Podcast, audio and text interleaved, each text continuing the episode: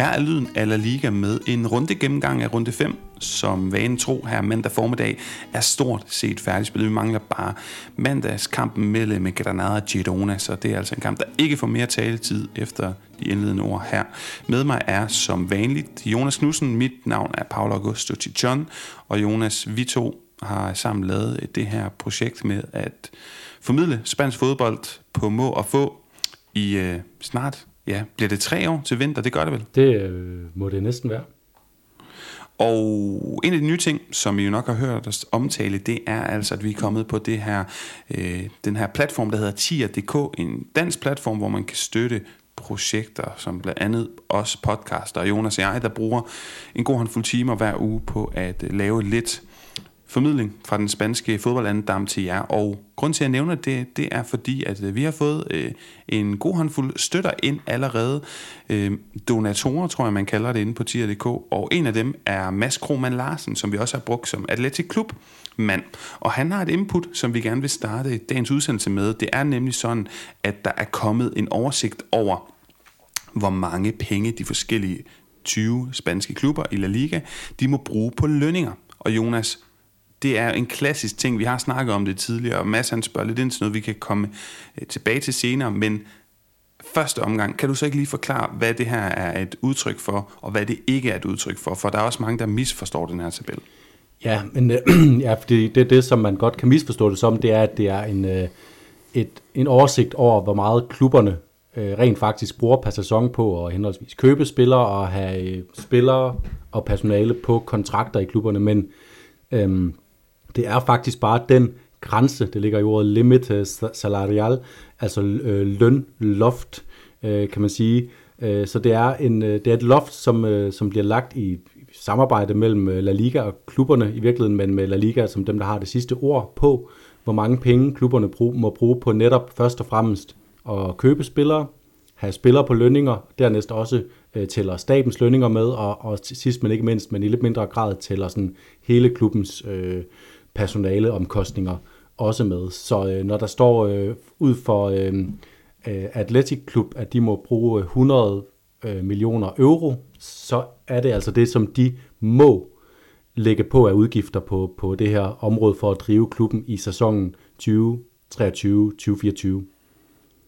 Ja, korrekt. Og dog, så er det jo sådan, øh, Jonas, at vi skal huske, at det ikke nødvendigvis er det er et udtryk for, hvad, hvad, hvad La Liga vurderer, at de må bruge, men der er nogen, der bruger mere. Der er også nogen, der bruger mindre. Altså Real Madrid fremgår, at de har lønninger for 727 millioner euro, hvor at den næst højeste er Atletico de Madrids 296 millioner euro. Og det er altså ikke et udtryk for, at Real Madrid bruger nødvendigvis alle de her penge, men det er det, de må, ja. fordi som vi bekendt ved, har de en, øh, en god hvad hedder det, sund økonomi for tiden. Men i hvert fald, og uden at jeg skal lege finansekspert overhovedet, så fremgår det af en enig spansk øh, pressekorps, at der er flere klubber, her blandt FC Barcelona, der bruger flere penge end det fremgår her. Altså, de, de bruger flere penge, end hvad de må. Og hvad sker der så så, når man overskrider de her, vi kan kalde dem regulativer, som La Liga udsteder? Jamen, så sker der det, at der kommer nogle økonomiske bensvind. Det kan for eksempel være, at det kan være sværere at registrere spillere, og det så vi jo med FC Barcelona, som havde Inigo Martinez og de to gange Joao siddende på hoteller i flere dage, og jeg tror med Inigo Martinez var det nærmest flere uger, hvor han sad i Barcelona og ventede på at kunne blive øh, registreret. Og så måtte øh, ledelsen og øhm, Laporta ind og hæfte hvad hedder det personligt at sige, hvis ikke vi skaffer pengene, så skal vi nok øh, betale den her bøde. Og så er der også noget i forhold til, at man ikke kan bruge alle de penge, man tjener i fremtiden på øh, for eksempel spillersalg. Dem kan man ikke bruge en til en. Det er den her ratio, vi har snakket om før. Overskrider man de her ting meget, så er man nede på en ratio, som Barcelona har været, der hedder 1 til 4. Du må kun bruge en fjerdedel af det overskud, du genererer øh, på, øh, ja, på at investere i truppen. Nogle gange kan det være en tredjedel, og altså hvis du ikke overskrider de her limites salariales, vi snakker om, de her lønlofter, jamen så må du i teorien bruge det hele. Jonas, har du øh, flere ting, der skal nævnes her, inden vi også skal kigge lidt på, vi skal have et par nedslag i, hvor ser det vildest ud, hvor er man mest overrasket over de her tal? Ja, jeg synes lige, man kan sådan bringe et, øh, et eksempel op på, hvornår vi har set det i, øh, i funktion sådan for alvor, og det har, var jo mest berømt med Lionel Messis afsked med FC Barcelona, fordi det er også sådan, at, øhm, at når man forlænger en øh, kontrakt med en, øh, med en spiller, så kommer han også til at tælle som en ny udgift. Så vil det sige, at han i stedet for at gå ind under de omkostninger, der er i forvejen, øh, så, øh, så tæller han som en øh, på, fuldstændig på lige fod med en, øh, en, øh, en nyindkøbt spiller, øh, hvor, hvor det så bare er den øh, selvfølgelig sign-on fee, og så den lønudgift, øh, man øh, afskriver over en årrække, som bliver regnet med. Og der var det jo netop med øh, Lionel Messi, at La Liga gik ind og sagde, at det var øh, mere, end hvad Barcelona kunne tillade sig at bruge i forhold til det, som de, øh, de, øh, de havde øh, som deres lønloft på det tidspunkt. Øhm, og derfor kunne FC Barcelona ikke tilbyde Lionel Messi det, som de havde lovet ham, og så måtte han videre til, til PSG, og siden han jo indser Miami. Så det er bare for at sige, hvordan er, øhm, hvad, er, hvad er de yderste konsekvenser af at, at bryde det her loft. Altså det er ikke uden konsekvens, når FC Barcelona de bruger flere penge, end de må på det her limited salarial. Og så vil jeg også gerne lige vende øh, motivationen for at lave det her i første omgang, fordi øh, det kom jo i 2013, det her øh, limited salarial, altså det finansielle øh, fair play system i, i Spanien, og øh, det er øh, La Liga, øh, La Liga foreningen øh, med Javier Tebas i spidsen, som har indført det. Og det skete efter, at, øh, at de spanske klubber i en lang årrække var, var dem, som ligesom vi ser øh, de engelske klubber har været de sidste 10 år, og nu også saudiarabiske klubber som, og PSG, som ligesom drev markedet fremad og brød øh, rekorderne for indkøb.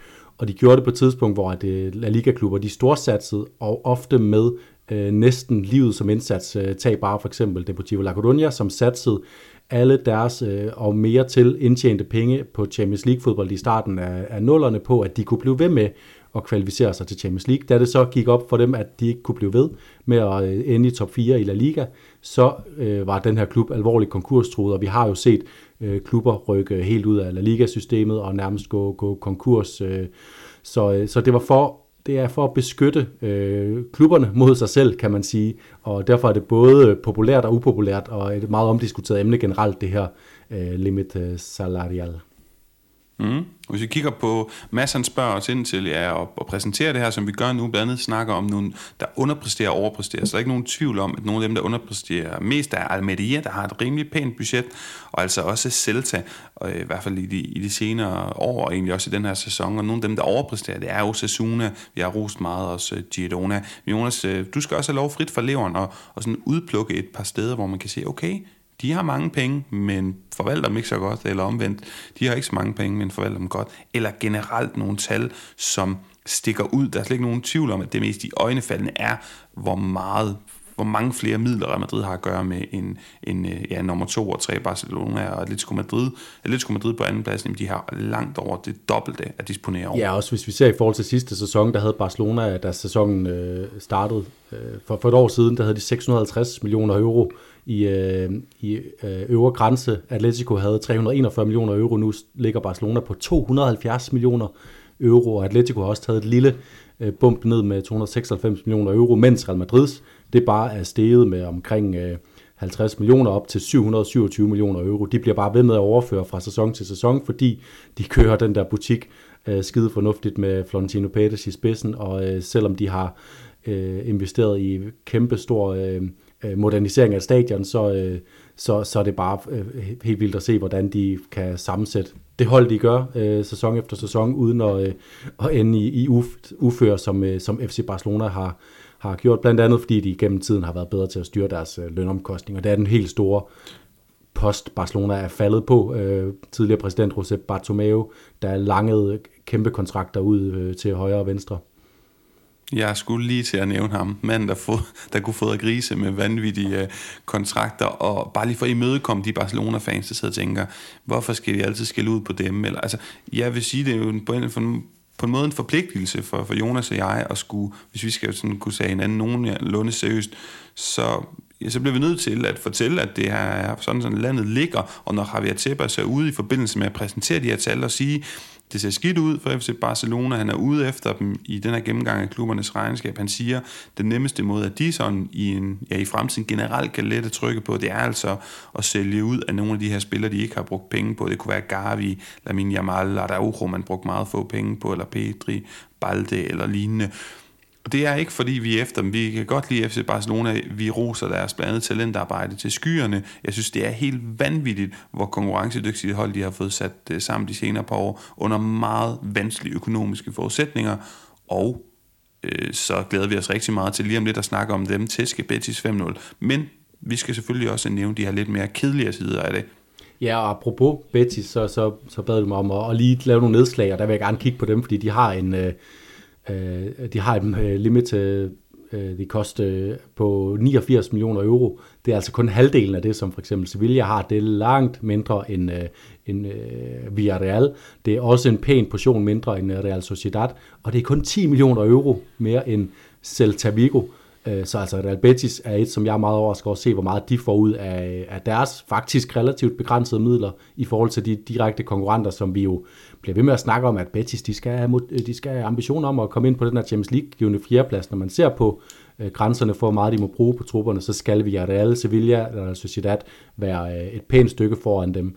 Øhm, og apropos Celta, som jeg nævnte, som kun har 10 millioner mindre at gøre godt med end, øh, end Betis, det vidner også om et, øh, et Celta-hold, der ikke de sidste 3-4 år i hvert fald har fået, øh, fået nok ud af det, som de smider den klub deroppe, og de, det potentiale, de har, øh, både med de spillere, vi ser i deres trup, og med de øh, midler, de faktisk har til at, at skabe en trup med, i forhold til, til nogle af de konkurrenter, der er. Der kan man for eksempel se, som du sagde, Osasuna har kun øh, omkring halvdelen af det, Celta Vigo har at gøre godt med, og alligevel så, øh, så er de bare igen og igen øh, bedre end, øh, end Celta. Men vi ved jo selvfølgelig heller ikke, Jonas, så det er sådan en lille arbejderbej. Vi ved jo ikke, hvordan øh, de her folk de disponerer over pengene, og det kan jo godt være, at, øh, at øh, hvad hedder det, Mourinho op i, op i Vigo, han, han hellere vil sidde lidt mere på, ja, på pengepunkten, og er lidt mere konservativ i sin måde at bruge penge på. Så, ja, bare for, lige at, det var altså... bare lige for at illustrere det, så, så er Valencias øh, limit faktisk steget med 10 millioner euro her hen over sommeren.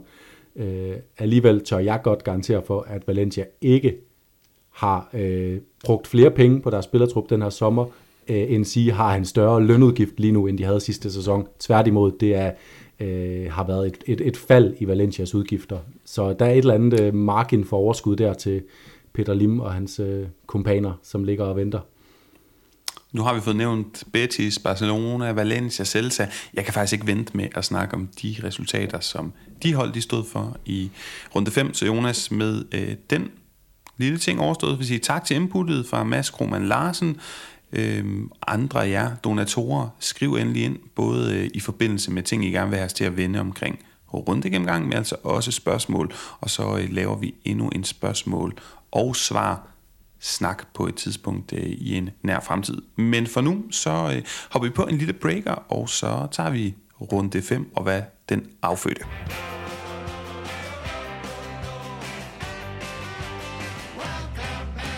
Inden vi starter med runde 5, så vanen tro, så gør vi lidt reklame for det her dansk producerede brætspil, Pondit, og prisen er jo sat ned, både generelt fra 600 til 400 kroner, eller 399, og jeres rabat er stadig gældende, så I kan få brætspillet som lytter af Lyden af La Liga for 319 kroner. Og hver gang I gør det, jamen, så støtter Pondit også med 100 kroner, hvilket vi er meget taknemmelige for for at gøre lidt reklame for den her aftale, vi selv godt kan lide, jamen så quizzer vi jo hinanden, Jonas Vansro. Jeg tror, det er min tur til at quizze dig. Jeg har i hvert fald fundet et par, et par navne frem, et par spilkort.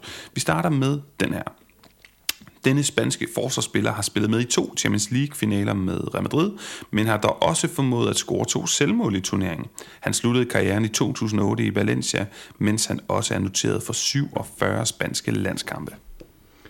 Oh, jamen det må næsten være, øh, med, med de selvmål der, så kan jeg lige forestille mig øh, det øh, lidende, næsten grædefærdige øh, udtryk, som han tit havde i ansigtet, den her øh, heroiske forsvarsspiller øh, Ivan Elguera.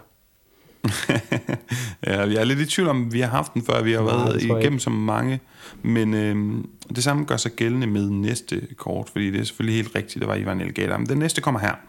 Denne store angriber var i både 14-15 og 15-16 sæson den spanske spiller, som scorede flest mål i La Liga. Han huskes også for sit flotte saksesparksmål mod FC Barcelona i 2019, som gav Atletic Klub deres første ligasejr mod Barcelona i 6 år. Ja, det er jo øh, det er en af de mest Øh, det er en af de bedste late bloomers, vi har haft i, øh, i La Liga, øh, og øh, en spiller, man ikke havde regnet med skulle være en legende, men i løbet af, hvad, fra han fyldte 30 til han fyldte, ja, hvor, hvor, hvor gammel var han, da han stoppede, 738 eller sådan noget, der, blev han bare, der fik han bare manifesteret sig som en af de, øh, de bedste målscorer i La Liga i, i, øh, i det nye årtusind. Aritz Aduriz. Aritza Aduriz, nemlig. Ja, ja, og der er tænkt over det hele i dag for min tid, Jonas, fordi vi skal også omkring en Atleti klub, og vi skal også omkring en angriber, som ikke når Aritaduris øh, sådan helt på niveau, men Lu kunne godt minde lidt om i nogle af hans færdigheder, men det, det tager vi senere. Sidst men ikke mindst, sidste kort, sidste mulighed for, at du kan lave 3 ud af 3 point, som også peger ind i noget, jeg glæder mig til at snakke om med dig i resten af dagens episode. Denne midtbanespiller blev klubbens topscorer, da Valencia vandt La Liga i 1-2 sæsonen. Han var kommet til klubben fra Atletico Madrid i 2000. Han blev også noteret for 43 spanske landskampe. Uh, ja. Der, det, der, var, der var nogle forskellige målscorer i forskellige... Altså, det var ikke sådan, at Valencia i store, store hold der i starten af Lunderne bare havde en stor målscorer gennem hele perioden. Det var sådan lidt forskellige... Uh, Angulo, John Carreus, Salva Ballesta, men jeg tror, det her, det må være Mista. Topscore-listen hedder ham her med syv mål i Valencia eller Liga 1-2 sæsonen. Så har vi Salva på 5, og så har vi Francisco Rufete på 5, Angulo på 4, Mista på 4 og Bablaimar på 4. Men du mangler hovedpersonen selv, manden som, hvis navn blev sunget på... Ruben Baraja. Ruben Baraja. Så ham glæder vi os til at snakke mere om i, uh, i dagens udsendelse, men uh, for nu var det altså Pondit, og man kan købe det her brætspil ved at bruge linket i podcastteksten. Men Jonas, Runde 5 startede jo som bekendt fredag aften. Rayo mod Alaves 2-0 til Rayo og Frugtige i Jørgen med mål i sin øh, Rayo-retur. Der stod faktisk Rayo på absolut alt i den her kamp. Kæmpe dominans. Lørdag der fik vi Atletic Klub mod Cadiz 3-0. Andaluserne de turde ikke holde fast i kuglen. De var totalt kyste af den her fantastiske stemning, som, øh, som bliver skabt på katedralen i Bilbao. Valencia Atletico Madrid overraskende 3-0 sejr på Mestalla til hjemmeholdet. Sikkert et statement fra det her Badaja B-holdsprægede mandskab. Celta mod Mallorca senere, den blev jo 1-0 til gæsterne fra Mallorca. Hvor lang må tålmodigheden er med Benitez, Jonas, sådan helt kort. Hvad tænker du? Jeg tænker, den er længere end, øh, end det her i hvert fald, fordi øh, det var en kamp, det var fuldstændig usandsynligt, at Mallorca endte med at vinde. Øh, Celta skabte rigeligt med chancer til, at de skulle have vundet, og så dukker Muri, øh, Vedat Murici, piraten, øh, eller kannibalen, eller hvad vi skal kalde ham op, øhm, og øh, afgør det til, øh, til, til sidst med sådan lidt tilfældigt mål. Så jeg synes, øh, jeg synes, jeg synes stadig, at der er ting og spore i Celta Vigo's spil, som gør, at, øh, at de, skal, de skal lige hænge i også kvæg, at det, det er trods alt er så stort et navn, de har fået ind på trænerbænken. Ja, men stor navn, stor sæson, den, den er det jo år. det er altså første gang i historien, at Celta, en Celta-træner taber tre hjemmekampe i streg. Dog må man sige, at snittet det er jo faktisk steget med hele 50% den her sæson hjemme på Balaidos, så der er altså illusion at spore. Og apropos illusion og øh, tilskuersnit, der stiger, jamen så er det også interesse for Mallorca, der er stigende, både på tilskuertal, interaktioner på diverse medier. Det har nok noget at gøre med, at jeg var på Mallorca i foråret og snakkede med nogle lokale journalister og fans, de snakker om den her amerikanske del af ejergruppen, og det med, at der er kommet direkte flyruter fra USA, det er et yndet sted for amerikanere også, og den interesse kan man også se. Nå, Barcelona mod Real Betis 5-0 partidazo, hvis nogen de var i tvivl, så har Barcelona altså stadig evnen til at spille berusende, og så køre en fremragende modstander, som Real Betis normalt er, fuldstændig midt over. Søndag Getafe Osasuna 3-2, fire sejre og to uafgjorte i seks hjemmekampe i streg, siden Bordeaux kom tilbage, og de er altså startet stærkt pointmæssigt i hvert fald i den her sæson. Vi fik også Villarreal Almeria 2-1 med en supersen Sørlot scoring, Pacheta debut, og så skulle man måske ikke have skiftet Rubi ud, for vi sendte Modeno. Skulle man det, Almeria, det kan vi også snakke lidt om. Sevilla Las Palmas 1-0, og der var 15 kaffetørstige forsinkede Las Palmas spillere, som alligevel ikke var friske nok til at forhindre Sevilla i at tage de her tre point. Sidst men ikke mindst Real Madrid mod Real Sociedad. Kubo, der gjorde alt, hvad han kunne for at stoppe Real Madrid i at fortsætte sejrstimen, men det var ikke nok. Jonas, hvor starter vi? Jeg vil gerne starte øh, på øh, katedralen oppe i Bilbao, fordi øh, nu fik de sådan lidt skæv start på sæsonen med den her kamp mod Real Madrid, hvor vi var, øh, altså Athletic Klub, øh, hvor vi var lidt i tvivl om deres niveau, fordi de spillede en rigtig sløj hjemmekamp øh, Øhm, øh, mod Real Madrid og tabte meget, meget, meget fortjent, øh, uden overhovedet at have gjort væsen af sig. Øh, nu synes jeg, at det begynder at tegne sig et billede af, at, øh, at de har spillet rigtig mange gode kampe. Vi har deres udesejr over øh, Osasuna, som jeg synes øh, var, var rigtig flot, og nu øh, bare en rigtig overbevisende øh, sejr øh, på hjemmebane, hvor de øh, Øh, ja, de skulle bruge lidt lang tid på at få, få hul på bylden selvfølgelig, men øh, da de øh, selv inden at, øh, at de får, øh, får scoret til 1-0 i det 66. minut ved, ved Gorga Guruzeta, så, øh, så har de altså bare den ene chance efter den anden, når Jan Sanset gør sig bemærket, og, øh, og hele altså Cardis er under et kæmpe tryk hele kampen, og det pegede bare i en retning hele vejen. Og det var altså en kamp, hvor man jo var uden øh, en øh, Nico William, som sad op på tribunen, fordi han fik den her skade i, øh, i, øh, i landskampen for Spanien. Så altså meget, meget, meget overbevisende Atletic Club indsats, og betyder, at de har fået, øh, trods den, øh, den uheldige start, har fået en rigtig god pointhøst, øh, når man ser her efter, efter fem kampe, hvor de ligger med et pointsnit på, på to point per, per kamp. Det er, det er en rigtig stærk start af et Atletic Klub hold, som jeg jo heller ikke har lagt skjul på. Jeg har lidt, øh, lidt forventninger til den her sæson. Jeg skulle lige til at spørge dig ind til det, men inden da vil jeg sige, at jeg har både snakket med en journalist fra, fra Dadega Gadis og også Atletic Klub, altså Jesus Maria, som siger netop også det har jeg refereret til før, der mangler spillere på det her Gardis-hold, som tør holde fast i kuglen, som ikke bliver nervøse, som ikke bliver tynget af den her atmosfære i så stor en kamp. Så snakker med Benjamin Gutierrez, der dækker Atletic Klub, om øh, hvordan det kan være, at de er kommet så godt fra start, og han siger, der er ingen tvivl om, at han, øh, hvad hedder sådan noget, Marcelino, eller ikke Marcelino, hvad hedder det, Ernesto Valverde, tiene todos enchufados, og det skal vi sådan, tror jeg bedst oversætte med, at han holder alle ved ilden. Alle spillerne er klar, de er motiveret, især i offensiven. Det her med, som du siger, Nico er ikke øh, med, med Iñaki Williams, Xavier Libre, Gorka Gudosetta, de tre øh, sådan centrale angriber, øh, som i hvert fald kan spille på den plads, for scoret Nico Williams har lige brændt banen fuldstændig af to gange i landsholdstermin for Spanien. Og så er der Alex Bedenger, der spiller godt, og Jan Sanset, der virkelig har været god de sidste par sæsoner i Gamuniain. Så virkelig øh, interessant udvikling for det hold. Og så mind mig der lige om mig og lytterne, Jonas, hvad det var for en dristig forudsigelse, du havde for Atletic Klub. Jamen det var, at, øh, ja hvad var det nu? Skulle de op og, de skulle op og ende på femtepladsen, øh, mener jeg. Jeg kunne ikke få dem over Larreal, øh, trods alt. Men øh, men jeg, ser, jeg så, at kvæg den stabilitet, de også har i, i truppen, det er jo, kan man sige, deres store force, hvor de andres force er, at de kan hente nogle blockbuster transfers ind fra nær og fjern. Øh, det har de så ikke gjort så meget, øh, så det er, at de, de kommer til at, at kile sig ind foran øh, klubber som Real Betis og Villarreal, som har været deres problemer at slås med, og i særdeleshed jo Sevilla, som, øh, som jo så fik deres første sejr den her runde, men i den grad også øh, har, øh, har måttet slås med meget de sidste års tid. Øh, nu, nu er der måske lidt lys på enden af tunnelen, men jeg ser stadigvæk, at Atletic Klub er et rigtig godt kandidatur til at lægge sig på, på, øh, ja, på den femte plads, som er den, øh, den, den der giver Europa League-deltagelse. Og det, det holder du modigt fat i, selvom Mads Juncker, han åbenbart lytter til podcasten, og på baggrund af en enkelt kamp mod øh, Mægtig Real Madrid, hvor de ikke måske lige bider fra sig, så mener han ikke, at de kan være i nærheden af det. Altså, jeg, var, jeg, jeg vaklede faktisk lidt efter den kamp, fordi det var rigtig dårligt udlæg. Det var det, var det altså bare, øh, det må man sige. Men, øh, men nu har de bare vist øh, de sidste fire kampe, at, øh, at de er der. Og de har den her offensiv, som vi roste så meget med Valverde, og som gik lidt i stå i løbet af sidste sæson.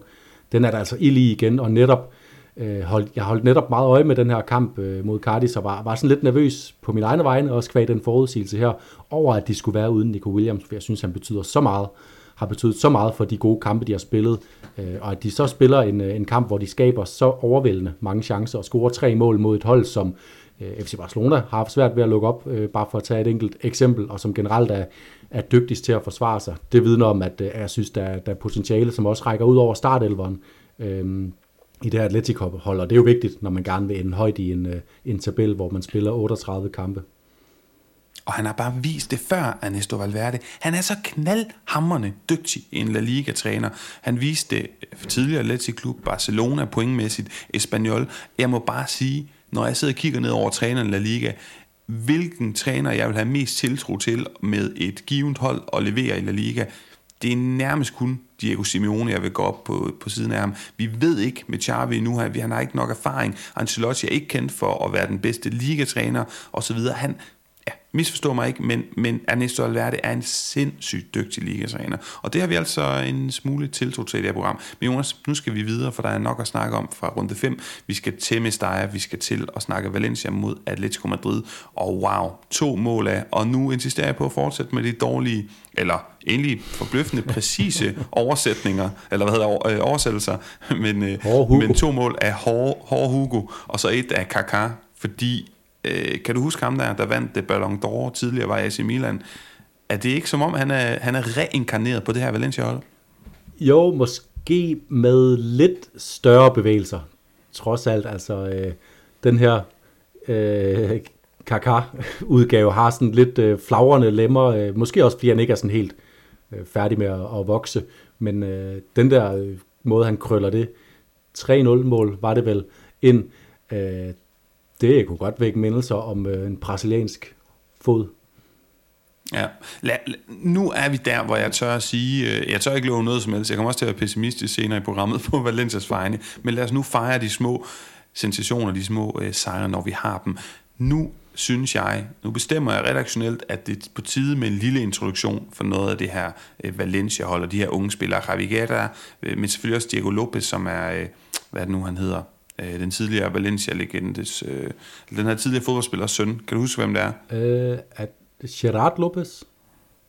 Nej, den, jeg, jeg kommer lige i tanke om den, men prøv lige at introducere nogle af de her unge spillere. Jamen, øh, faktisk så noget af det, jeg lagde mærke til, det var, at når jeg, når jeg lige så startopstillingen her mod Atletico, så var det jo faktisk lidt undervældende, hvor få af de her ubeskrevede blade, der var inde, fordi man har jo nærmest fået indtryk af, at det kun skulle være dem, men man har trods alt fået hentet øh, Pepelu, og øh, Carnos, øh, som, øh, som begge startede ind. Almeida er et velbeskrevet blad, Ugoduro kommer ind på, på toppen. Så, så af dem, der startede ind, så er det Javi Guerra, som også var ham, som, øh, som kom ind og scorede øh, nogle rigtig vigtige mål i sidste sæson. Var med til at redde Valencias liv i La Liga.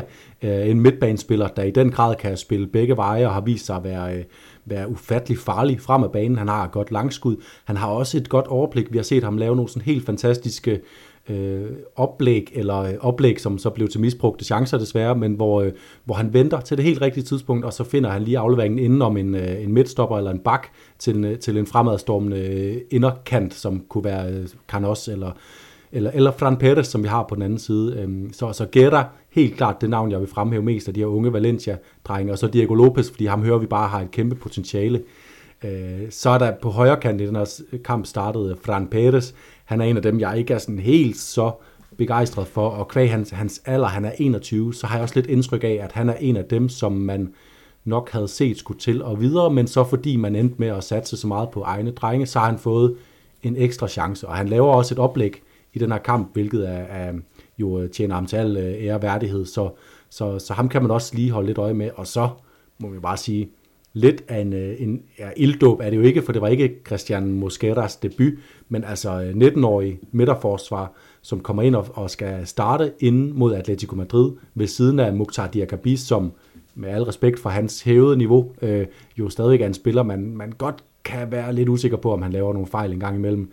Øh, kommer ind og holder nullet mod Atletico. Det er bare imponerende. Ja, det er meget imponerende. Jeg er kommet i tanke om, at det er øh, Rufete, hans søn er ham du mindst kunne lide for ham, Pettis. Det er sådan, det er. Men Jonas, der gemmer sig jo også nogle spillere, som ikke er helt så nye. André Almeida, han var jo en form for revelation, en åbenbaring sidste sæson. Heldigvis ikke nok til, at der kom en stor klub og øh, købte ham. Ugo Duro har tidligere været en revelation, en åbenbaring.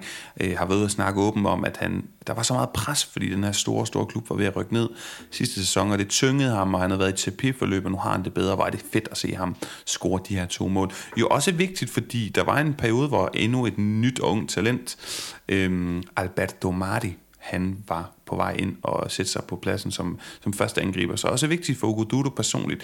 Men øh, for at runde Valencia af, Jonas, hvad skal der egentlig til for, at de hos dig kommer til at løbe med sådan en form for pris som sæsonens, ja nu bruger jeg det igen, revelation, sæsonens overraskelse, åbenbaring, fordi jeg tænker sådan forsigtigt bejler til en syvende plads, et eller andet i den dur. Er det for meget at håbe på for Valencia? Vi har jo set det før med unge øh, sprudlende hold, der kommer med en masse optimisme, naivitet, energi. Altså Rayo tænker jeg på, Girona, Levante også tidligere.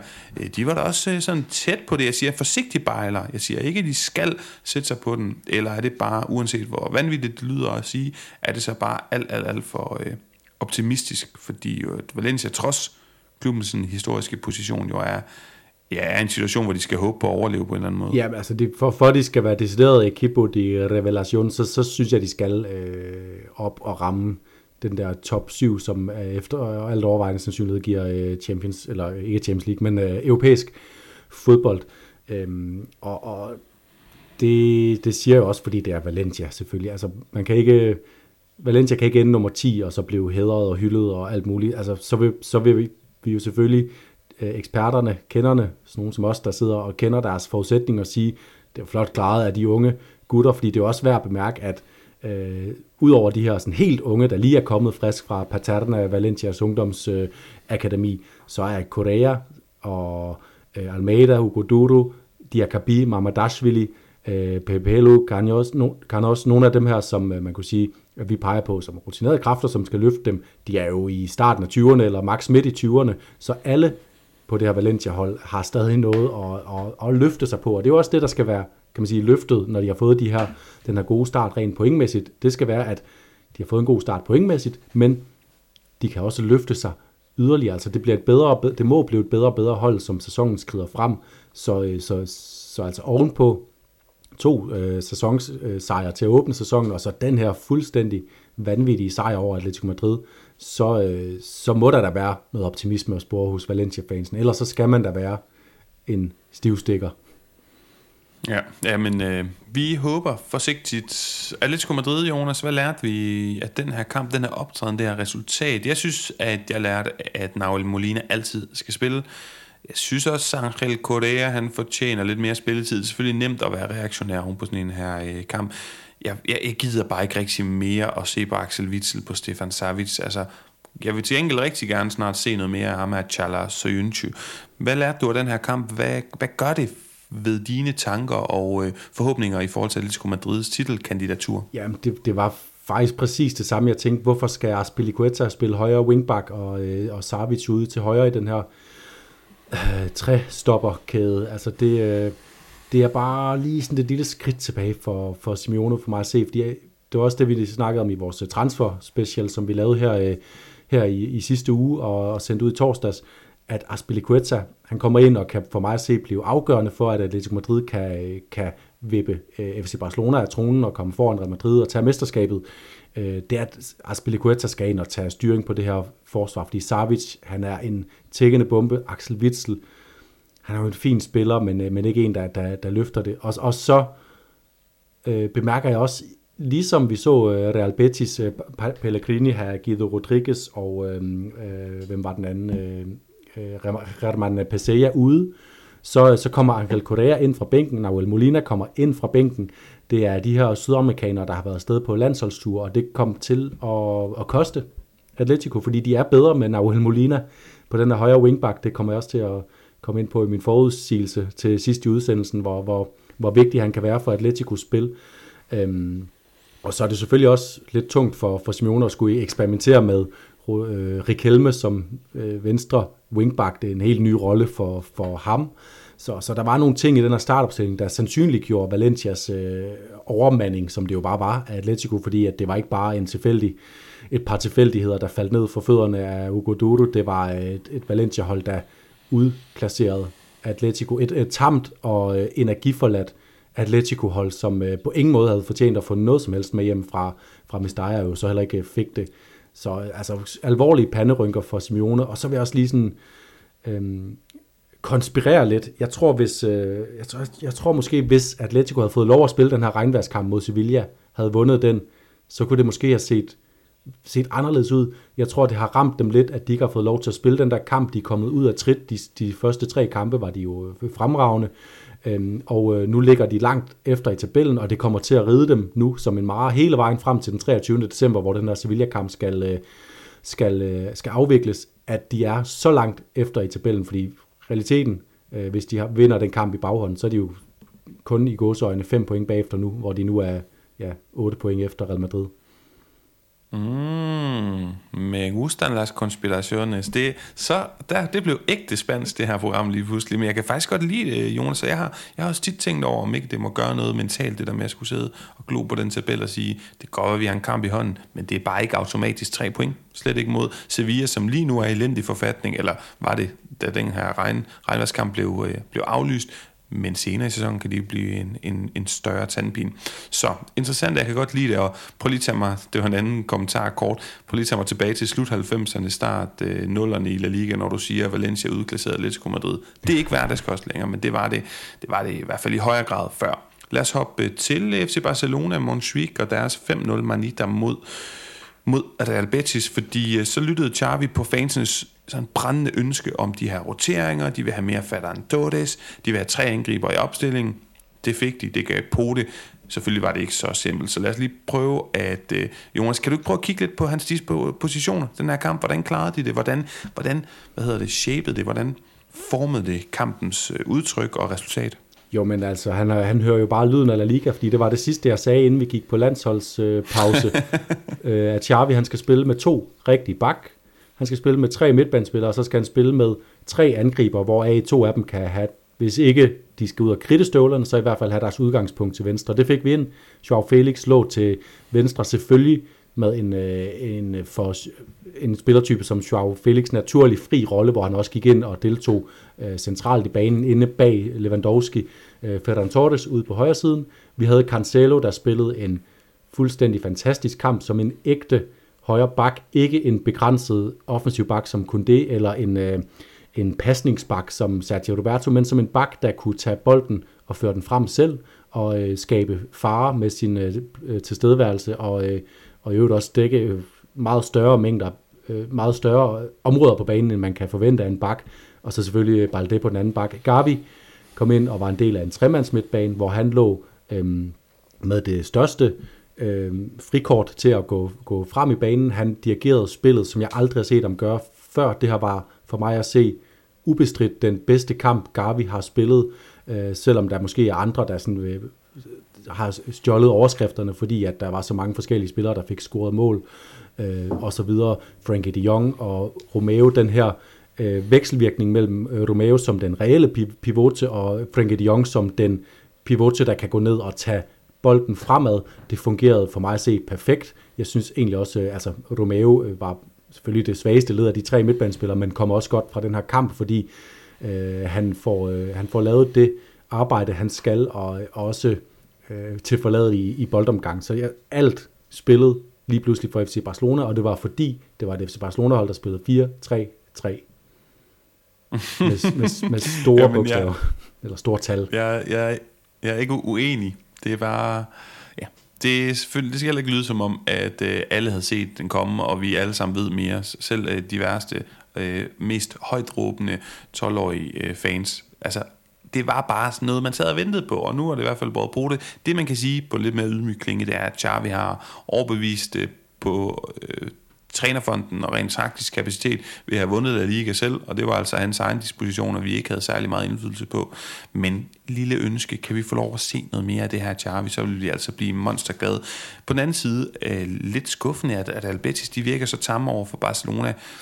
Omvendt måske ikke overraskende, når jeg sådan, øh, prøver at dykke lidt ned i statistikkerne, så Jonas er kendskærning, at Manuel Pellegrini med den her kamp har stået i spidsen for Real Betis 26 kampe mod de fire store hold øh, fra de senere sæsoner, altså Sevilla, Real Madrid, Barcelona og Atletico. En enkelt sejr i 26 kampe, 8 uafgjorte og svimlende 17 nederlag. Kan vi få en eller anden form for forklaring?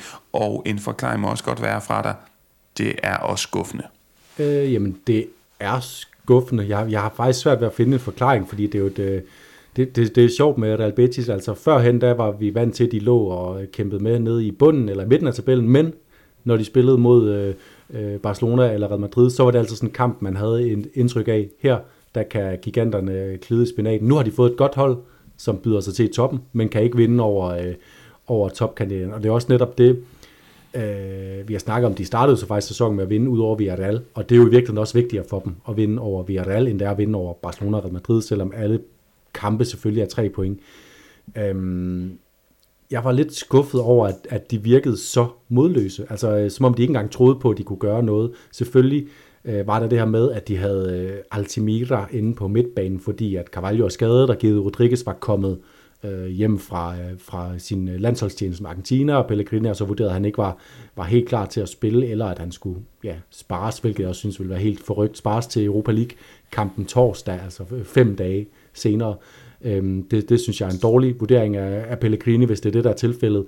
Øhm, og, øhm, ja, og, og så er der måske også bare noget med, at, at Real Betis er et hold, der så gerne vil være et angribende hold, og det kan man jo for eksempel se på, at uh, Hector Bellerin uh, Øh, spiller på den her højre bak. Han er en bak, der helt klart er bedst til at angribe, og han blev også bare i den grad øh, udstillet for sine defensive mangler i den her kamp. Han var, han var rigtig dårlig, den, øh, den tidligere Barcelona-spiller.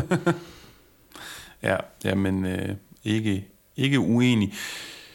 Jeg kunne godt tænke mig lige at ganske kort snakke om Joao Felix, fordi jeg havde ellers stemplet ham som yt, som et flop, som en mand, som ikke kunne komme op øh, og blive kaldt en verdensklasse fodboldspiller.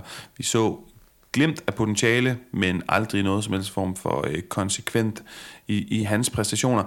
Jeg kan ikke lade være med at tænke, øh, hvis nu, og jeg tror ikke, det sker, men fordi han spiller en god kamp, hvis nu Barcelona får en Joao Felix sæson, der laver til 15 mål, til 15 oplæg, brænder banen af, så det er jo råd til at købe ham, for der er ikke nogen aftale i det, og han bliver dyr, og så vil Atletico Madrid sælge ham til en anden, men han har været ude med violin og kærlighedserklæring til FC Barcelona, så mm, ja, hvad er hovedet og hale i det her? Hvad, hvad skal man håbe på fra de forskellige parter? Jamen altså, i virkeligheden skal Barcelona jo håbe, at øh, Felix bliver den Felix, som vi ved, at han har potentiale til. Og vi, vi har jo også, skal høre med, at de sidste par år har vi to nogle gange siddet efter Atletico-kampe og tænkt, gud, det var Xiao Felix, der styrede alt i den her fodboldkamp. Alt gik igennem ham, alt skete derfra.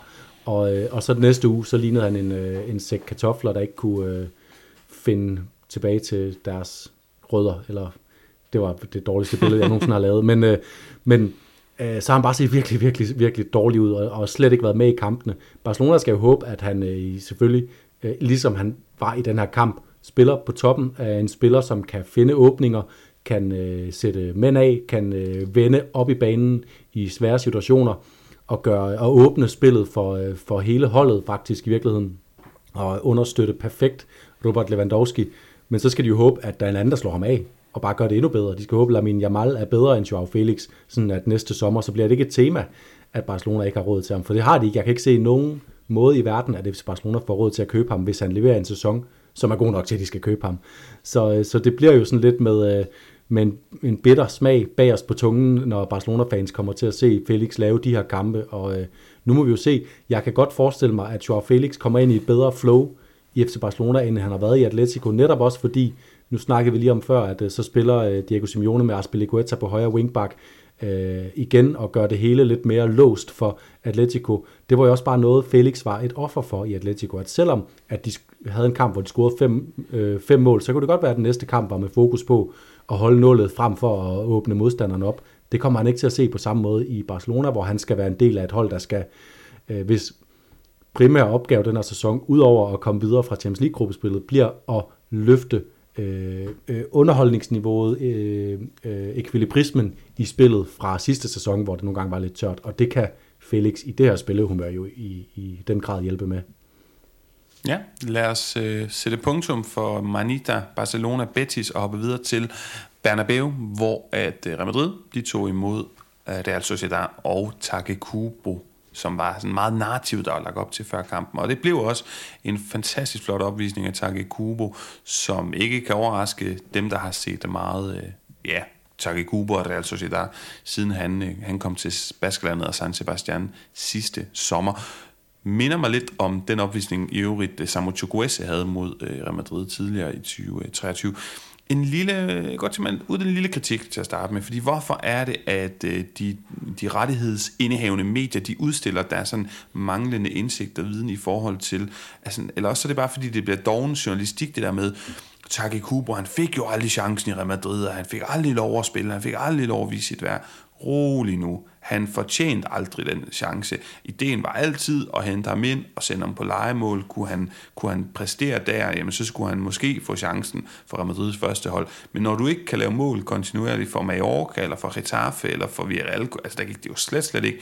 Hvorfor skal man så have lov til at prøve chancen i Real Madrid? Altså alle sad der med fornemmelsen, i hvert fald også der fulgte med, da han blev sendt til Real Sociedad og sagde, det er da fair nok. Altså det, man kommer ikke til at savne ham i Real Madrid. Og så er det jo bare fedt, at han er blevet så forløst i Real Sociedad. Så og så lige en rettelse til tv-dækningen, fordi vi får åbenbart at vide, at Real Madrid ikke længere har nogen som helst snor i Takikubo, og det er ikke rigtigt. Altså, man ejer stadig 50% af hans spillerettigheder, og han kan købes tilbage for 33 millioner euro efter en sæson. Nøjagtig samme model som Frank Garcia, og man har gjort med ham i den sæson.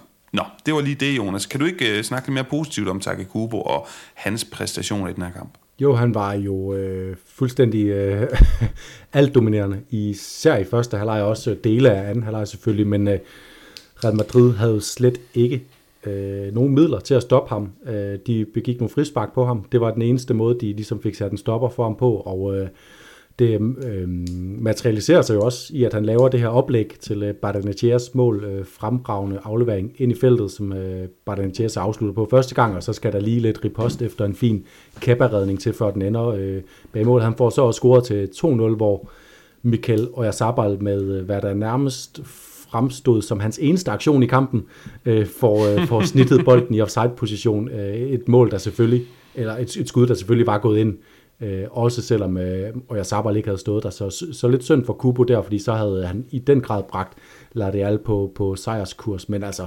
fremragende kamp. Han, øh, alle hans udfordringer lykkedes. Han havde spillet med en selvtillid og fandt øh, rum, øh, og øh, både til at aflevere modspillere til selv at udfordre. Han var fuldstændig ustyrlig. Jeg er mega enig med dig, Jonas. Jeg sad sådan, hvis man sådan generelt skal snakke om kampen, så øh, undervejs i første halvdel sad jeg og tænkte, hold op, hvor er de bare gode. Øh, Real Sociedad, de smider det der 2-0-mål ind, der bliver annulleret med største selvfølgelighed, og man sidder bare og tænker, at I smadrer, I sønder smadrer Real Madrid. Hvor er det vildt at se, øh, og fedt, og vi, vi, vi er jo ikke overrasket over det på den måde, for vi ved, at Real Sociedad har det her i deres spil, og har det her topniveau. Men så på et tidspunkt tager Real Madrid fat i kuglen og gør lidt det samme, presser Real Sociedad tilbage, og de kan slet ikke få fat i kuglen, og så er det dem, der har initiativ, altså hjemmeholdet fra Madrid. Og det vidnede om, det som der også blev sagt på tv, en fantastisk kamp, hvor jeg synes, det var virkelig højt niveau for begge hold. På den måde synes jeg, der var noget, der var noget fedt i der med at starte med at sidde og tænke, at Real Madrid, de har ingen chance i den her kamp. Så er det Real Madrid, der fik bolden. Jamen, Real Sociedad har ikke nogen chance i den her kamp, og sådan bølgede det lidt øh, frem og tilbage.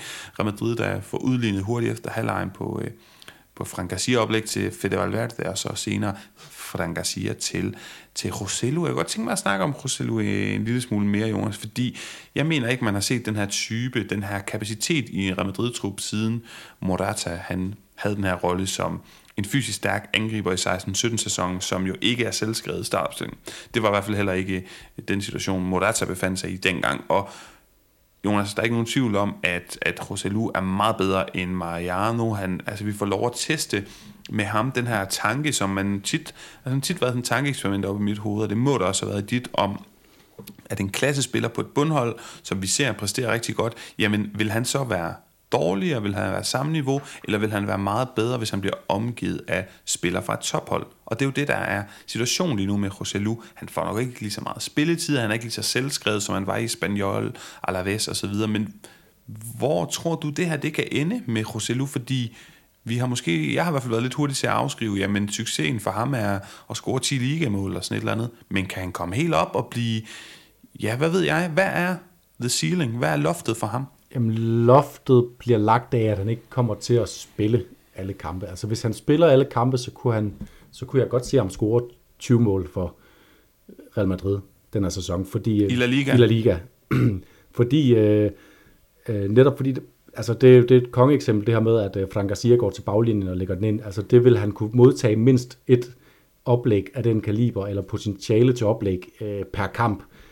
Udover at han så også er inde i, i feltet, når der er... Øh, når der bliver lagt pres på, og kan, kan få nogle af de her tilfældige nedfaldsbold og sådan noget. Og, og vi så ham jo også selv komme til en chance, faktisk, hvor han... Øhm, hvor efter en øh, Alex Remiro-fejl i udspillet, får han bolden og tager et, et godt træk og får fyret et fladt skud af sted, som øh, Remiro så retter op på sin egen fejl og, og redder.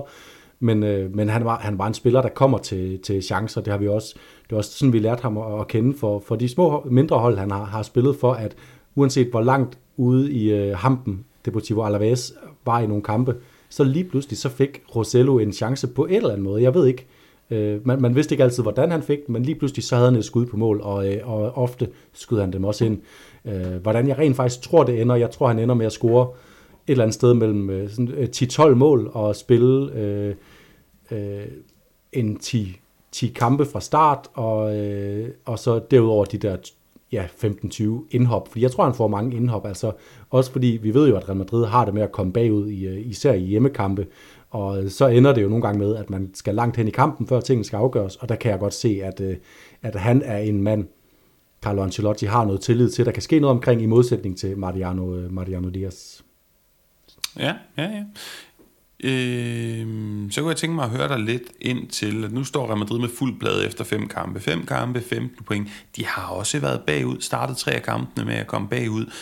Så hvor overbevisende har de egentlig været i dine øjne? Det ser jo Mexi overbevisende ud at have fuld blad efter fem runder, men er der ikke en lille smule slinger i valsen at spore? Jeg har så svært ved at vurdere det, fordi øh, jeg har så svært ved at... at altså det er, jo, det er jo et Real Madrid-hold, der kommer med et nyt system. Øh, den her øh, diamant på midtbanen. Jeg har så svært ved at vurdere, om, øh, om deres mål er at dominere kampe, eller om det er ikke at dominere kampe. Altså vi så jo den her kamp mod La Real perioder, hvor øh, Subimendi og Brais Mendes og Michael Marino, de bare kørte bolden rundt mellem sig, og Real Madrid, de trak sig fuldstændig og sagde, fint, I spiller bare der, vi kan godt finde ud af at forsvare vores mål, så I, øh, I, må, I må prøve at se, om I kan strække jer igennem på en måde, så det rent faktisk bliver til chancer for jer. Så, så jeg har svært ved at vurdere, om jeg skal om jeg skal sidde og vurdere på, om Real Madrid de store dominerer kampe, fordi det synes jeg ikke, de har gjort i, stor, altså i, øh, i hvert fald ikke sådan over 90 minutter, selv mod, øh, mod Almeria. Der var perioder, hvor de øh, virkelig måtte forsvare sig med næb og klør mod et, øh, et, øh, et, et, et relativt svagt Almeria-hold, som jo også fik øh, sat nogle stik ind med nogle, øh, nogle scoringer. Øhm, eller i hvert fald en scoring. Øh, så, øhm, så, så jeg har svært ved at vurdere, hvor godt Real Madrid spiller. Øh, man må bare sige, at de, de vinder deres kampe, og, øh, og øh, det er, jo, øh, det er jo det, der i sidste ende tæller, men jeg vil, jeg vil gerne vente lidt med at vurdere, om det er et øh, decideret velspillende Real Madrid-hold. Der var perioder, også i den her kamp mod Real Sociedad, hvor de jo virkelig satte det her tryk på. Øh, Cavaral spiller jo fortsat øh, rigtig godt, øh, kommer med offensivt og, øh, og er ved at lave nogle oplæg. Bellingham finder også nogle løsninger. Rodrigo ser stadigvæk, synes jeg, under niveau ud. Altså, det er overhovedet ikke en erstatning for, for Vinicius for mig at se. Hans, øh, hans udfordringer er stort set kun lige ved næsten. Øh, så, så der er nogle spørgsmålstegn med Real Madrid, men jeg har svært ved at vurdere, hvad er det, vi skal forvente? Hvordan vil Real Madrid spille den her sæson med den her nye, øh, den her nye midtbanestruktur? Ja, jeg er enig, og for at supplere lidt, så synes jeg, der, de ting, jeg synes, jeg er overbevist af, det, det er sådan set forsvaret over hele linjen. Jeg synes også, selvom Frank Garcia er ude, altså udfordring gang imellem, jamen offensiv, der er noget power, det, det jeg synes stadigvæk, at øh, jeg tror på, det bliver bedre end med Fallerman de senere par sæsoner. Som du siger, Cavaral jo fuldstændig genopfundet, spiller virkelig på et niveau. Så kan jeg godt lide den bagerste del af midtbanen. Jeg kan godt lide Chomini. Jeg synes Valverde, nu scorer han og sådan noget der, men jeg savner at se ham i scenesat bedre. Og så synes jeg, at offensiven er der, som du siger, også spørgsmålstegn ved. Jeg ved ikke, hvor overbevist om, altså, om, om Bellingham, hvor, hvor, hvor, hvor komfortabel han er i hans rolle, men det har vi jo snakket om det her, så vi glæder os til at følge det lidt fremadrettet og se, om den her offensiv kan til, ja, komme til at virke lidt mere i flow og i sync. Men Jonas, jeg synes da, at vi skal øh, lukke ned for rundegennemgangen nu, og så ved vi jo vanen tro, at der kommer en masse mere snak de næste, ja, hvad skal vi sige, 10 minutter kvarter, når vi skal øh, rundt om de vanlige koringer, vi har. Det kommer på den anden side af den her breaker. Jugar tiki-taki, tiki-taki, donde hay no espacio. Yo creo que hemos hecho que tuvimos que hacer. Es intentar cambiar el partido en una otra manera. Jonas, lad os starte med at øh, få et par bud på det, der er sås på bordet. Jeg vil da godt øh, nominere Javi Kaka Guerra, som øh, skruer den her flotte inderside bold uden om Atletico forsvarsspiller med den her elegance, den her teknik, som Kaka han, han var kendt for. Jeg vil også godt nominere Ferdinand Torres, som med et meget klogt og et sindssygt flot frispark, han udfører score direkte og og ender den her to og en halv år i tørke, hvor Barcelona ikke har scoret direkte frispark. Han udtaler så, og det, det bringer jo sådan en lille smule, ikke skamme, men det gør det bare lidt mindre flot, at han udtaler efter kampen, at det overhovedet ikke var det, han forsøgte på. Han, han rammer den helt forkert ja, i situationen. Det var faktisk også det, jeg tænkte. Og så plus, at muren var jo fuldstændig katastrofal. William Rosé, som, øh, øh, tror jeg det er, eller Miranda, som står og grummer sig sammen, gør sig så lille han kan, og så den her, øh, ja, skal vi sige, øh, Øh, Vietes, målmand for Real Betis, han, øh, der kom ind, ja, det var ikke øh, den mest optimale La Liga debut, øh, så, øh, så jeg synes, der var nogle ting, der talte talt ned for Ferran Torres mål der. Jeg har også noteret mig Valverdes mål, øh, rigtig fint oplæg af Fran Garcia, og så bare, ja, skal vi nærmest sige, Toni Kroos-agtig præcision i, øh, i det langskud, som smyger sig øh, op ad indersiden af stolpen, øh, utagelig for Ramiro. Og så kunne jeg ikke lade være med at nyde øh, Take Kubus tunnel på netop også Toni Kroos, hvor han lige trækker bolden tilbage, inden han med vristen øh, prikker den igennem Toni Kroos. Men jeg synes også, at Toni Kroos var så dårligt spillende defensivt i den kamp, at, øh, at det nærmest ikke tæller. Så jeg vil gerne give min endelige nominering til en øh, lidt mere kuriøs hændelse, og det er i, øh, den er faktisk i Sevilla, hvor øh, Sergio Ramos jo havde sin comeback-kamp efter, øh, det må være 16 år, 17 år, væk, 18, tror 18 år væk fra, øh, fra Sevilla. Og øh, ved stilling 1-0 med 10 minutter igen, så laver hans øh, kollega ude på højre kant, Lucas Ocampos, en Rabona, som han øh, i blinde smider ind lige midt i banen foran Sevillas eget felt. Den rammer faktisk en, øh, øh, ja gud, hvem var det nu, de øh, spillede mod? En Almeria, Las Palmas. en øh, Almeria-spiller, Las Palmas-spiller, øh, og er ved at skabe en farlig situation, og den her idiot Rabona, som jeg har valgt at døbe den, den øh, medfører selvfølgelig også et overfald af skal ud fra Sergio Ramos rettet mod øh, Lucas Ocampos. Hør her, makker, synes han at sige, jeg ved, hvordan man vinder fodboldkamp. Det er eddermame ikke sådan der. Kan du pakke det der væk og gå hjem i øh, gymnastiksalen og stå og lave Rabona sammen med Erik Lamela, og så kan I filme det og lægge det på Instagram. Her er vi for at vinde fodboldkampe. det var bare øh, Ramos i sit S, og helt velfortjent øh, skal ud til Ocampos. Modtaget. Jamen, øh, det synes jeg også er en rigtig god øh, en af slagsen. Det der er så, hvad med Jugon de la Jornada, den spiller, der stod ud for sine præstationer. Jeg har noteret mig Ugo Dudo i løbet af weekenden. synes, det er fantastisk fedt for ham, den her øh, sjove kultskikkelse, som øh, Valencia altså, ja, havde nærmest kultstatus, inden han overhovedet øh, skiftede til Valencia. Men der var en japaner, vi har snakket om om før, Take Kubo, og brændte banen af på den måde. Jonas, jeg accepterer ikke andre bud i den her omgang. det der, det er simpelthen ustyrligt flot præsteret, og tør man sige, at man bliver kastet tilbage til dengang, det var en argentinsk højkant, der gjorde nogle af de samme ting. Ja, det, det kan man godt sige, men øh, hans hold tabte kampen. Det, og det var jeg altså lidt for mig i den her øh, nominering. Jeg vil også gerne lige nævne, fordi det var jo svært at finde, hvem man skulle, skulle nominere fra den her Barcelona-kamp. Øh, jeg vil gerne nævne Cancelo og Joao Felix som mine to bud på de spillere, der stod mest ud af de to øh, Joaos, der er kommet til på leje uden udsigt til at blive. Øhm, det, øh, de, de leverede gode kampe. Men jeg vil sige, eftersom Kubo han ender med at tabe kampen, og han fik koringen i sidste runde, skal vi også huske, så tror jeg altså gerne, jeg vil ende med at give den til Ugododo. Og jeg tog jo pondit spørgsmålene, Paulus. Uanset hvor meget du strider imod, så må jeg gå med din første nominering, Ugododo. Du ved, jeg godt kan lide at tale de små, de små øh, kamp, minoriteterne. Og du har ret, du har trumfen i den her omgang, så det bliver Ugo Dudo. Jeg siger bare, der var ikke en spiller, der var i nærheden af at være lige så god, som Kubo han var i den her runde. Men, men fair, jeg kan godt lide det. Lad os give noget mere taletid, noget mere fokus og opmærksomhed til Valencia og til Ugo Dudo. Det, det ender med Ugo Dudo så. Godt. Jamen øh, videre til Koman og Kæmpes øh, de her to kategorier på en skala fra henholdsvis negativ til positiv historie i øh, spansk fodbold i ugen, der er gået. Min Koman, den negativ, går til manglen på goal line technology. Altså den her teknologi, som registrerer på et ur til dommeren, om bolden den har krydset linjen, sluppet målstregen nej. Og i Celta-kampen blev det relevant, og Rafa Benitez var også ude og brokke sig efter kampen, han siger, hvordan kan det være, at, at der ikke er goal line technology? Hvad er det, der foregår? Han har også en pointe. Altså, jeg tror ikke, det mål, som Bamba øh, ikke scorer, fordi jeg tror ikke, den slipper linje, jeg tror ikke, det var stået med goal line technology, men alligevel, det er så vildt, at vi i 2023, hvor folk de kan nærmest teleporteres og alt muligt ind i studier, og jeg ved ikke, hvad der er for noget teknologi, så skal vi sidde og vurdere om en bold, der har krydset linjen på nogle grynede billeder, der er totalt pixeleret. Det ligner noget fra 1700-tallet, skulle jeg sige, det gør det selvfølgelig ikke, men overdrivelse frem og forståelsen. Kom on, Sebas, det er, det, det er min negative historie. Ja, og det burde være så nemt at installere på 20 øh, La Liga stadions. Øh, det, det, det er virkelig mærkeligt, når man har gang i alt det var show i forvejen. Min øh, den går til versioneringen af sørgemelodien på Santiago Bernabeu.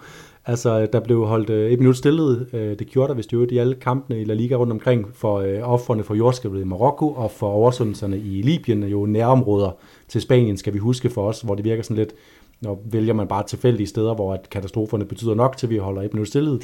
Marokko er naboland til, til Spanien, Libyen er, er nærområde også. Øhm, og øh, der slår det mig bare, at de spiller den her øh, melodi, og så går der et minut, alt er smukt, og øh, folk er stille, og så øh, fløjter dommeren, og så fortsætter melodien sådan lidt øh, tilfældigt, mens øh, Paco oppe i lydboksen, han leder efter slukknappen.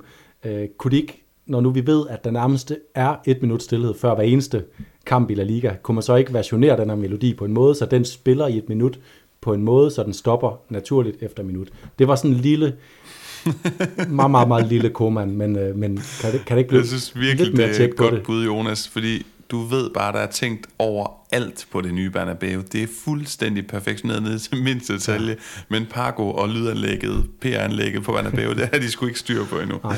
Og det er en, øh, den kan jeg godt lide, godt observeret. Min kæmpes, min positive historie, den går øh, til en ja, til Valencia kæmpe var Valencia legende uden sammenligning af den positive historie for mig i ugen, der er gået. Valencias flotte, meterende 3-0 sejr over Atletico Madrid, som altså er i den grad titelkandidater, har vi udråbt dem som. Og som vi har snakket om, det ligner sådan et klassisk øh, resultat for 15-20 år siden i La Liga, og i dag er det jo chokerende, fordi Valencia, og det er jo bare virkeligheden, en masse unge spillere, som vi håber og tror og fornemmer har noget potentiale i hister her, men det er decideret en skændsel, at en klub som Valencia skal arbejde med så dårlig en spillertog, med så mange problemer på ledelsesgangen, i bestyrelsen, i det sportslige setup, så meget forvirring. Vi har brugt os før, vi gør det igen, det hører ingen sted hjemme. Men hvad der hører hjemme, det var deres flotte sejr, og den er positiv, og det var min kæmpe. Og jeg, øh, uden at trække vejret, så fortsætter jeg bare, fordi min kæmpe, den går til, øh, ja, det er, jo, det er jo smukt, at kæmpes for første gang nogensinde vel, øh, går til to Valencia-relaterede ting. Og jeg giver, øh, går lidt mere specifikt til værk, så giver den til Javi Kaka Guerra, som, øh, som du har døbt ham. Fordi øh, det er lang tid siden, jeg har set en ung spiller bryde igennem i en klub, der var under så stort pres og med så stor overbevisning. Han spiller, øh, spiller så godt og er så afgørende for Valencia, og jeg siger nu, at inden for to år, så har han fået sin øh, landsholdsdebut for Spanien, og han er en spiller, som ikke bare er sådan et plaster på såret for Valencia i en, en, en øh, svær tid. Han er en uh, storspiller i svøb, og ham kommer vi til at høre meget mere til. Forhåbentlig bliver det et genrejs Valencia. Hvis ikke, så bliver det uh, med et, uh, et stort skifte til en af de, de store spanske klubber, eller uh, gud forbyde det, internationale storklubber inden for de næste par år også. Altså, uh, ham her, han er ikke for sjov. Godt, jamen øh, enig. Vi kan rigtig godt lide Aviata. Vi kan også godt lide mere spansk fodbold, og det kommer der både i midtugen med, øh, ja, med nogle, øh, nogle europæiske kampe med spansk deltagelse, og så altså øh, næste weekend, 6. spillerunde, hvor vi blandt andet har en kamp at se frem til, El Derby Madrileño, Real Madrid mod Atletico Madrid, og så har vi altså også, øh, ja, nu skal jeg lige prøve at sidde og kigge, ja, Valencia Valencia, Almeria, Barcelona, Celta, det nogle af de kampe, jeg har kigget på. Hvad med dig, Jonas? Jamen, det er selvfølgelig øh, El Derby Madrileño, der, der står øverst på, på min, øh, på min dosmerseddel, også fordi Atletico jo nu er med, med ryggen mod muren, og det er altså bare ubehageligt for dem øh, hjemme i gryden på Wanda Metropolitano at skulle tage imod Real Madrid med ryggen mod muren, fordi det kan jo ende med sådan en af de der ydmygende dage, hvor Savic får et øh, rødt kort i 97. minut, fordi han ikke længere kan, kan kontrollere sig, og det kan også ende med, at de genvinder, genvinder troen på sig selv i, i toppen med en, øh, med en sejr. Øh, min, øh, min forudsigelse til den kamp, det går på, at Atletico, de, de klarer sig, de, de vinder, og øh, for sådan også at lægge pres på Diego Simeone om nu at sætte ham ind i startopstillingen, nu han ikke har en landskampsrejse til Sydamerika i ryggen, og starte ind med Nahuel Molina, så siger jeg, at det bliver med et oplæg af Nahuel Molina, også fordi som vi snakkede om i gennemgangen af Real Madrid, der er jo mulighed for at lave gennembrud i Frank Garcias øh, øh, venstre side, øh, selvom han, øh, han spillede så fremragende, Frank Garcia, øh, så kan man godt udfordre ham rent, rent defensivt, øh, også selvom man ikke er takket Kubo. Du er irriterende. Det, det, det står også på min spiseseddel, at jeg vil have Atletico til at vinde. Men øh, i, den her, i det her pointsystem i forbindelse med vores forudsigelser, der er jo ikke minuspoint, så jeg har skrevet en masse ting ned, og så må jeg skyde lidt med spredhavl. Jonas Almeria, de vinder over Valencia. Der er ikke noget, der er så godt, at det ikke er skidt for noget. Det plejer vist at være omvendt. Men øh, du ved, hvad jeg mener. Og Valencia kan store roses, men vi skal tilbage til hverdagen, jeg er bange for. For Valencia, jeg tror, de taber til et øh, Almeria-hold, som altså snart skal i gang med en, øh, med en sejr. Og den får de mod Valencia i kommende runde. Og så bum, bum, bum, bum, bum. Barcelona mod Celta Vigo går jeg med, at der kommer øh, fire mål eller flere i den kamp. Skal du også have målscore på, eller er det, er det våget nok? Jamen, jeg tænker, vi kører med, at man laver to bud, og jeg har lavet Atletico vinder, og Nahuel laver et oplæg. Du har lavet Almeria vinder over Valencia, og over fire, fire mål eller derover i Barcelona Celta. Så skal vi ikke lige lave, fordi jeg har jo faktisk lige siddet og lyttet afslutningen af vores udsendelser igennem, og lige, øh, og lige opsamlet, hvordan det egentlig er gået for os indtil nu. Skal vi ikke lige køre den? Øhm, frem mod runde 2, der gættede jeg på, at uh, Osasuna skulle vinde hjemme over Atletic Klub. De tabte 0-2. Du gættede på, at Mallorca skulle vinde hjemme over Villarreal. De tabte 0-1, så 0 point i, uh, i vores første bud. Frem mod runde 3, så gættede jeg på, at Osasuna skulle vinde på Mestalla, men det skulle være, uh, men uh, de vil ikke blive, uh, men Valencia vil ikke blive ydmyget af Osasuna. Det skete ikke. Osasuna vandt 2-1 på et mål i 97. minut, så to point til mig der. Og du gættede på, at Villarreal vil spille bedst i hjemmekampen mod øh, Barcelona, men Barcelona vil vinde, og det ender 4-3 til Barcelona efter en ja, fodboldopvisning af bedste hold, men jeg giver dig benefit of the doubt og siger, at Villarreal spillet bedst. Så to point til dig. Frem mod runde 4 gætter jeg på, at øh, Celta vinder ud over Almeria. Det gjorde de. 3-2 kom i gang sæsonens første og eneste sejr. Og du gættede på, at selvfølgelig, at Granada skulle vinde på Anueta. Det gjorde de ikke. De tabte 5-3, så 0 point til dig der. Og så frem mod den her runde, vi lige har snakket om, der gættede du rigtig nok, at Sevilla vil få øh, sæsonens første sejr hjemme over Las Palmas. De vinder 1-0. Du gættede også på, at Mariano skulle score. Det gjorde han dog ikke. Øh, så et point til dig. Jeg gættede på, at Real Madrid ikke vil vinde hjemme over øh, Real Sociedad, og at Kubo, Take Kubo vil score. Jeg synes, jeg var tæt på begge udsagn, men ingen af dem gik hjem, så 0 point til mig. Det betyder i alt står der 3-3 inden at øh, vi øh, ser frem mod runde 6, hvor vi lige har, har afgivet vores bud. Jeg ved simpelthen ikke, hvor at du fik... Altså, Sevilla sejr 1-0. Jeg sagde da ikke Mariano skulle score. Jo. Det var et helt andet navn, jeg havde gravet frem. Hvad, var det et andet navn? Nej, Nej det var det, var det ikke. Men, øh, du skulle have sagt godt, Luca, Jonas. Luca, ah, Luca Capio, Luca Bacchio. Ja, jeg vil heller ikke kaste mig ud i en, i en udtale af det navn nu, men det var ham, jeg skulle have sagt. Jonas, med det, så tror jeg, vi er nået frem til, øh, ja, til afslutningen på dagens episode. Det sidste, jeg vil sige, det er, at øh, jeg har et, et eksklusivt interview i kalenderen med Kjell Bordinggaard. Det er ham her, der er blandt andet agent for at være technical director i Bayer Leverkusen. Og de har jo en træner, som man snakker rigtig meget om i Spanien. En fodboldlegende, Xabi Alonso som man snakker om. Skal han være ny Bayern-træner, Real Madrid-træner, Liverpool-træner? Han gør det rigtig godt i Bayer Leverkusen. Helt tilfældigt. Nej, det var fordi, jeg vidste, at jeg havde en interviewaftale med ham. Så så jeg dem spille rigtig flot mod selveste Bayern München fredag aften. Og jeg vil da bare sige sådan, at øh, jeg tror, jeg laver det interview, og når vi så har nået 15 så vi ikke sige 15, Jonas, 15 donatorer ind på, øh, ind på platformen tier.dk, så, øh, så giver vi det ja, så hvad hedder sådan noget, udgiver vi det interview med Kjell Bordingård om Xabi Alonso, om hans ja, hvad er han rundet af? Hvordan er det egentlig i den proces, man ansætter sådan en fyr? Var han nem at overbevise? Lidt mere om ham som træner og spillefilosofi, og selvfølgelig også øh, om Kjeld han tør at spå, om hans fremtid den ligger i Spanien for eksempel. Så det er altså et interview, I kan høre lige snart, vi øh, har 15 øh, donatorer. Jeg tror lige, der mangler en, øh, en håndfuld, så ind og meld jer ind på hjemmesiden. Om det er 5 kroner per episode eller mere, det gør ingenting. Spørg, hvis I er i tvivl, og så ellers bare tak, fordi I lyttede med. Vi lyttes ved næste mandag.